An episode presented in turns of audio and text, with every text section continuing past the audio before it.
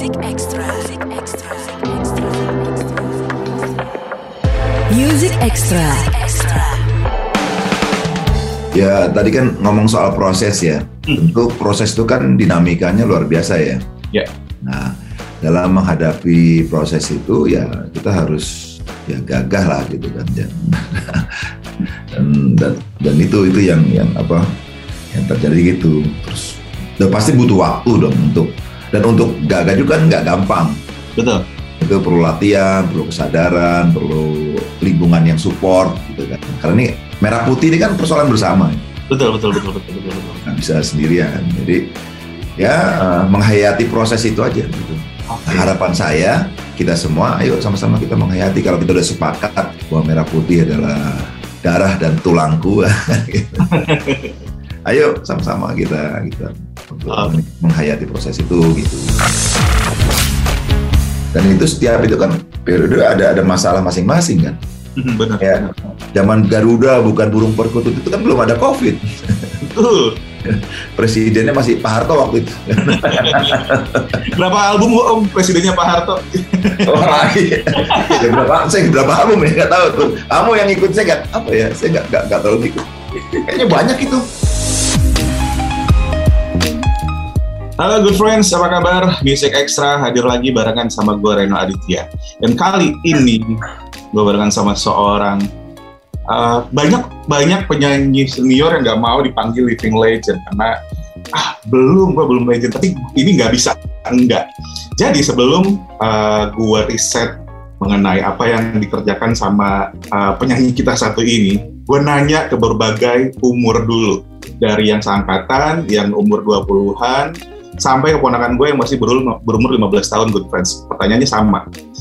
Lo tahu Iwan Fals nggak? Jawaban mereka, kalau yang seangkatan gue sih jawabannya pasti tahu ya, karena kita mungkin besar sama lagu-lagu dia. Anak yang berumur 20-an juga tahu Iwan Fals. Taunya dari mana? Karena eh, lagunya gue pernah dengar. Tahu lagu yang mana? Yang ini. Ketika gue nanya sama keponakan gue yang berumur 15 tahun, jawabannya sama. Tahu dong, lagunya yang mana? Tahu nggak? Tahu. Yang oh, oh ya, oh ya, oh ya, Bento. Oh.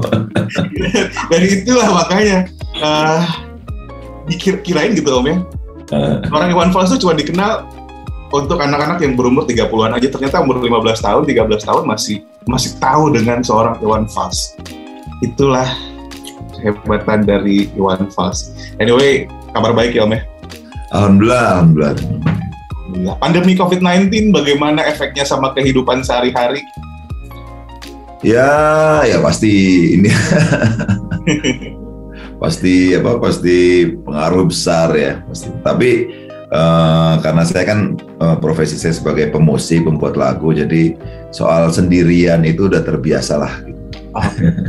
bahkan kesendirian itu bisa membawa banyak inspirasi ya om ya Iya kan, saya sempat juga harus apa sendiri gitu kan. Hmm. Ya udah, nah saya bikin bikin lagu, apa bikin bikin syair atau apa aja lah ya.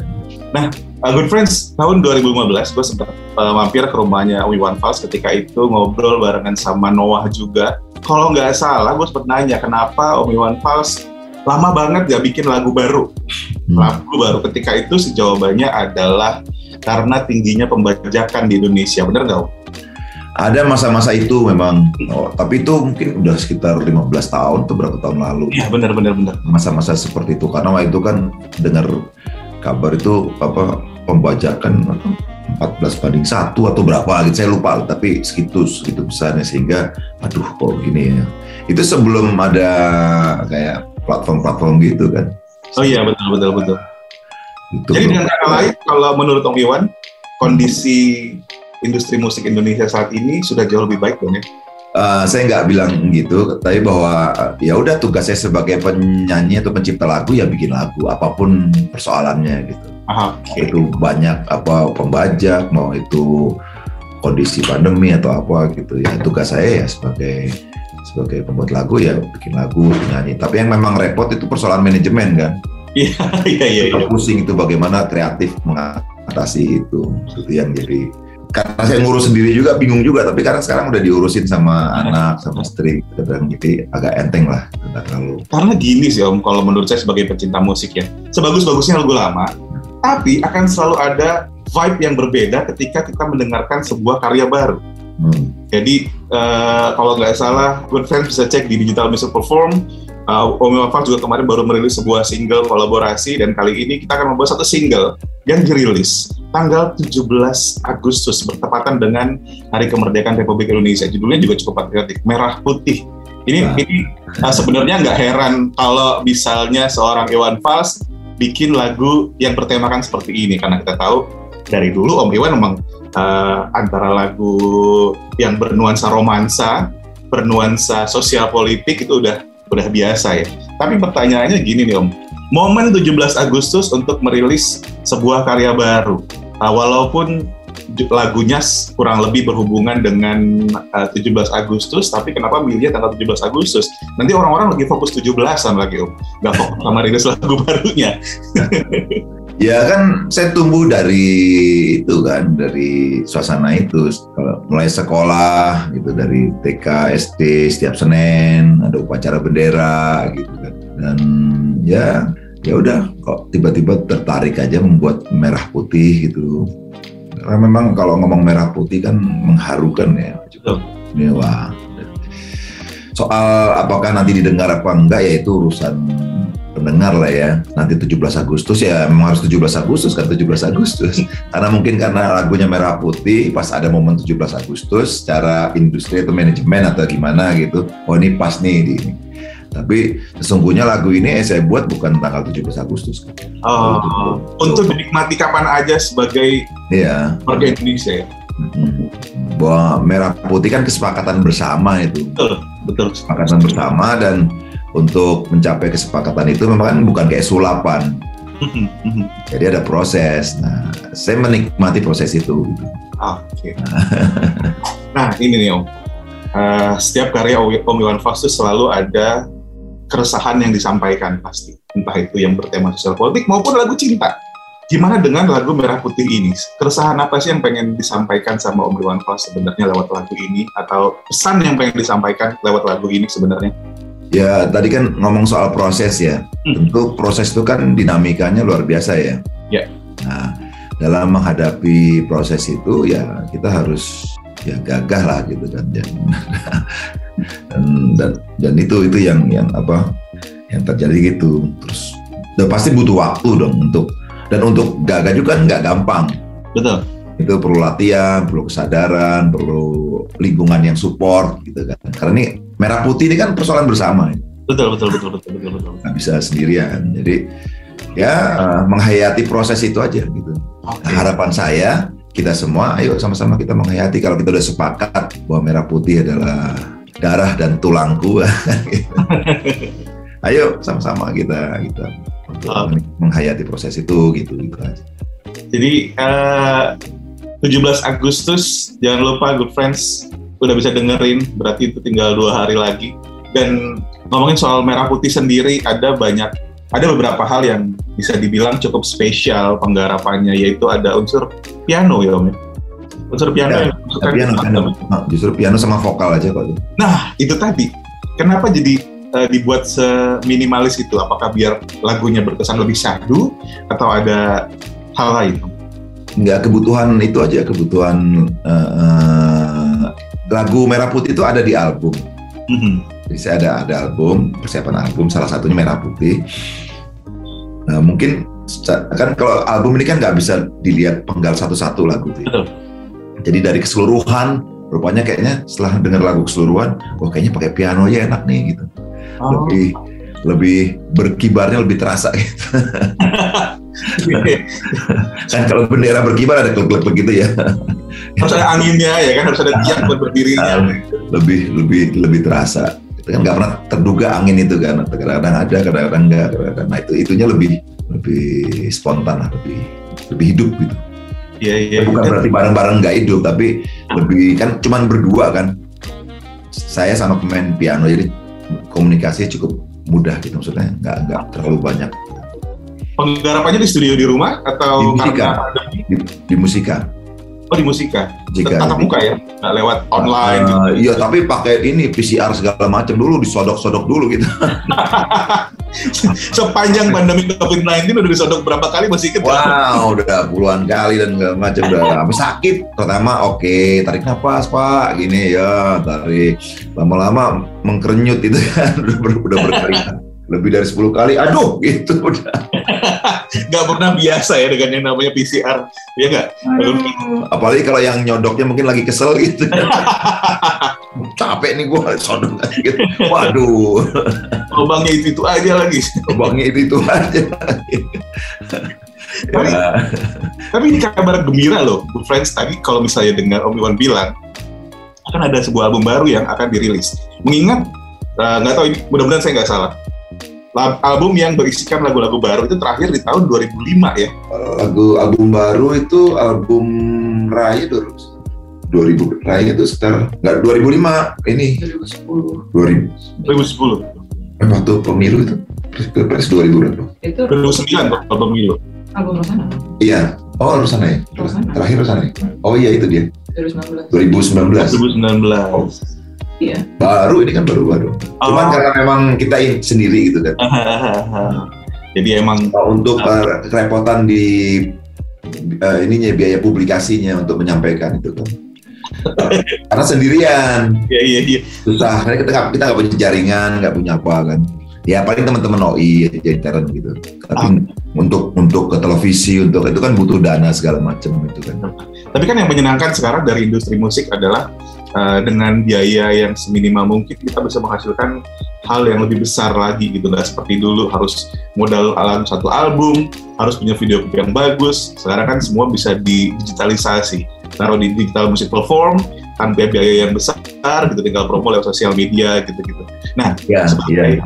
penyanyi nih om penyanyi yang walaupun punya manajemen saya yakin manajemen pasti cukup mumpuni untuk itu. Tapi sebagai personal nih om eh, seorang Iwan Fals itu cukup mengikuti dunia modern zaman sekarang nggak sih? Dalam artian promo lewat sosial media secara personal gitu gitu Ya kalau detail saya enggak, saya bukan pengamat, saya nggak tahu kadang-kadang.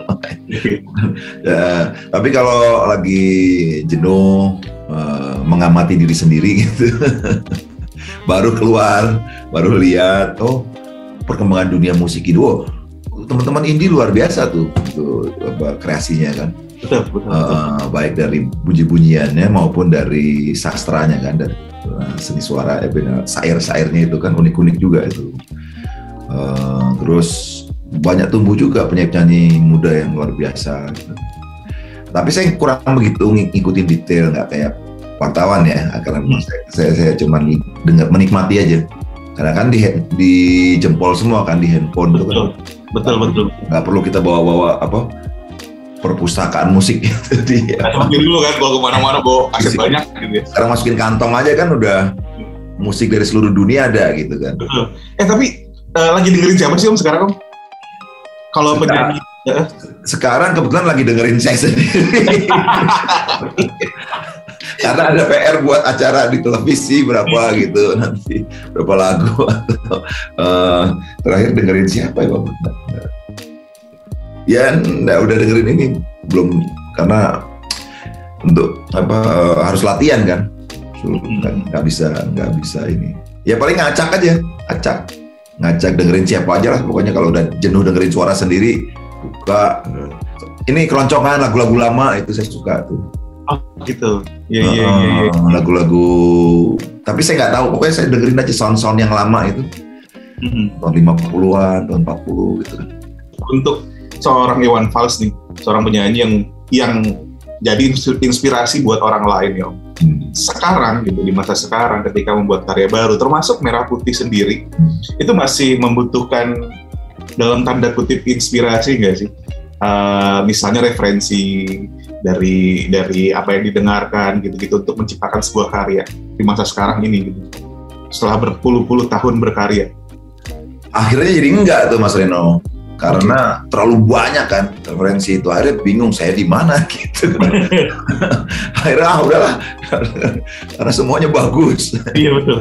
bagus bagus. Wah malah jadi stres. Kita dengerin ini pengen kayak gini pengen kayak gini jadinya. Wah, jadi waduh malah jadi keganggu gitu apa eh, ke kenyamanannya ya. Karena nggak setahan dulu. Kalau zaman zaman muda itu kan mungkin saraf-saraf masih kuat ya Betul. Ya, saya dengar Bob Dylan, dengar bahkan Benjamin Sueb, Kus Plus, Pambers, terus banyak musik Peter Gabriel, banyak lah denger dangdutan, Oma Mansur segala macam itu. Tradisi, musik-musik etnik, musik-musik dunia itu dari eh, etnik kita musik Nusantara dari Sabang sampai Merauke, yang asli tapi yang Hmm. bukan bukan di eh, campur pop ya. Maksudnya memang pem- pemusik-musik asli, bukan musik world musik dunia gitu, musik-musik etnik. Itu kan musik-musik murni ya. Saya dengerin itu bertahun-tahun. Oke. Lalu akhirnya saya mikir, kapan gue dengerin gue ya? Eh tapi masih suka dengerin lagu-lagu yang lama dong. Maksudnya karya-karya Obi-Wan yang lama dulu didengerin ulang. dengar, dengar. Cuman karena suka malu juga kan. Malunya kenapa Om? Padahal kan itu lagu-lagu yang... Lagunya begini sih, soundnya kok gini, terus apa? kok Cara nyanyinya kok gini, kok Oh, liriknya gini kadang-kadang. Tapi udah habis malu terus ketawa sendiri. Tapi ya kan kalau pakai earphone kan nggak denger orang lain jadi. Tapi kalau bunyi keras-keras gitu, apalagi sama ini suka kadang-kadang suka gelisah juga. malu gitu, kok gini seorang dulu. Padahal kan dulu yang dalam tanda kutip niru gaya bernyanyi Om Iwan tuh banyak banget. Bahkan sampai sekarang loh. Iya, nggak kan menjadi pertanyaan buat saya. Kenapa kok ambil nada seperti ini? Kenapa kok ambil kata-kata seperti ini gitu? Kenapa pilihan musik instrumennya seperti ini? Ini kan saya harus mengulang lagi tuh pikiran itu. Apa sih yang terjadi waktu itu gitu? Kalau ingat ya ingat, tapi kadang banyak lupanya gitu ya. Eh, Banyak lupanya sehingga kenapa sih kayak kayak nggak nggak nggak masuk ini saya gitu. Tapi itulah saya perjalanan saya. Jadi agak-agak gelisah tapi ketawa tapi kadang-kadang kaget-kaget juga. Loh kok bisa gue nyanyi gini ya? Kadang-kadang senang-senang sendiri gitu. Berarti emang setiap karya yang dilahirkan itu punya jiwa masing-masing ketika itu ya rasanya gitu. Karya kan tuh hidup ya. Nah, jadi nah, itu kan cerminan dari si pembuatnya kan betul, betul, betul, betul. dari pembuatnya siapa pun dia gitu itu kan dia apa ya dia jujur ya dia nggak bisa bohong kan karya itu apalagi udah terekam udah nggak bisa diulang kan Hmm. Termasuk merah putih dong, berarti ada eh, seperti yang saya pernah saya tanyakan tadi, itu ada eh, apa ya? Ada rasa tersendiri yang pengen disampaikan lewat lagu ini berarti. Oh iya iya iya iya ya merah putih iya itu yang rasa saya yang terbaru terhadap merah putih kan Oke. pun saya tahun 80 bikin tentang itu gitu Iya iya iya. bangunlah putra putri gitu kan Garuda bukan burung gitu kan ada itu lalu sekarang merah putih ini gitu. dan sebelumnya juga pernah ada juga bikin dan itu setiap itu kan periode ada ada masalah masing-masing kan Hmm, Benar. Ya. zaman Garuda bukan burung perkutut itu kan belum ada covid Betul. Presidennya masih Pak Harto waktu itu Berapa album Om presidennya Pak Harto? Wah, iya. Ya, berapa saya berapa album ya nggak tahu tuh kamu yang ikut saya nggak apa ya saya nggak nggak nggak terlalu ikut kayaknya banyak itu sampai ke mesraan masih Pak Harto tuh Pak Iya, Mas- bener. oh ini eh, mulai eh, mulai era kantata takwa itu kan peralihan tuh Iya. suami Bento itu Iya iya iya. nah, iya. Bento bongkar tuh peralihan ke siapa ya Habib Pak Harto tuh Habibie Ah, Bibi. Nah, kayaknya berapa album tuh ya? Ya sampai mata dewa itu terakhir. Ya sekitar lebih dari 10 barangkali ya. Dulu, wow. Sampai, sampai. Nggak sih Om masa-masa produktif seperti itu? Kenapa? Kangen nggak dengan masa-masa produktif yang sangat produktif seperti itu hampir setiap tahun? Kangen, kangen banget. Makanya sekarang saya ada kerjasama sama musika lagi kan. Betul, betul, betul, betul. Itu yang zaman itu kan saya sama musika setahun dua album gitu kan. Iya benar, benar. Sebelum kemesraan tuh. Jadi ah, memang perlu kita, kita lingkungan yang untuk mengingatkan kita teman-teman musika paling jago tuh. Sampai apa kadang-kadang ngomel-ngomelin saya juga tuh berantem tuh kita tuh. Wah, ayo bangun dong dia semangat maksudnya ngasih semangat gitu untuk apa? Gak bisa gini harus ini ini dia gitu. Nah, nah, kita ini kan ya seniman kadang-kadang kalau nggak digebrak-gebrak itu juga keenakan ya. Betul. Jadi akhirnya wah, jadi, nah, mudah-mudahan dari merah putih ke sini nanti akan banyak lagu-lagu lah. Allah. Betul. Setuju banget. Dan eh, Merah Putih 17 Agustus, Good Friends, dengerin bisa dinikmati berbarengan dengan momen 17-an kita karena masih di tengah pandemi COVID-19. Kita mungkin nggak bisa merayakan seperti biasa. Ya udah dua tahun sih, nggak ada lagi lomba 17-an. Bikin lomba online juga nggak seseru lomba offline, percayalah. Jadi dinikmati mungkin dengan cara berbeda, salah satunya menikmati karya lagu Merah Putih ini. Tanggal 17 ya. Ah, bener, 17 Agustus. Jam berapa? Nanti jam Ah, kalau jamnya biar nggak, saya kurang kurang paham, tapi mungkin Oh, jam nggak. 12 eh, segitu pergantian hari biasanya lagu baru itu langsung dimasukin sih. saya pikir ber- bersama dengan upacara bendera di istana.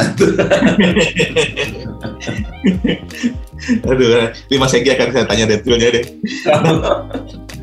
Kalau proses untuk album baru sendiri rencananya kapan akan dirilis Om? Eh, mungkin bulan-bulan Insya Allah September, September, September. Oke, catat sob, eh, good friends. September 2021 album. Ya kalau semuanya lancar nanti mudah-mudahan. Amin, amin, amin. amin, amin. Doakan gitu. Amin. Karena jujur aja di tengah masa-masa seperti se- sekarang kita butuh sesuatu yang menyenangkan dan menenangkan hati ya sih Om? Buat kalau bahasa yang lagi populer sekarang, buat ningkatin imun, Hmm. ya kan?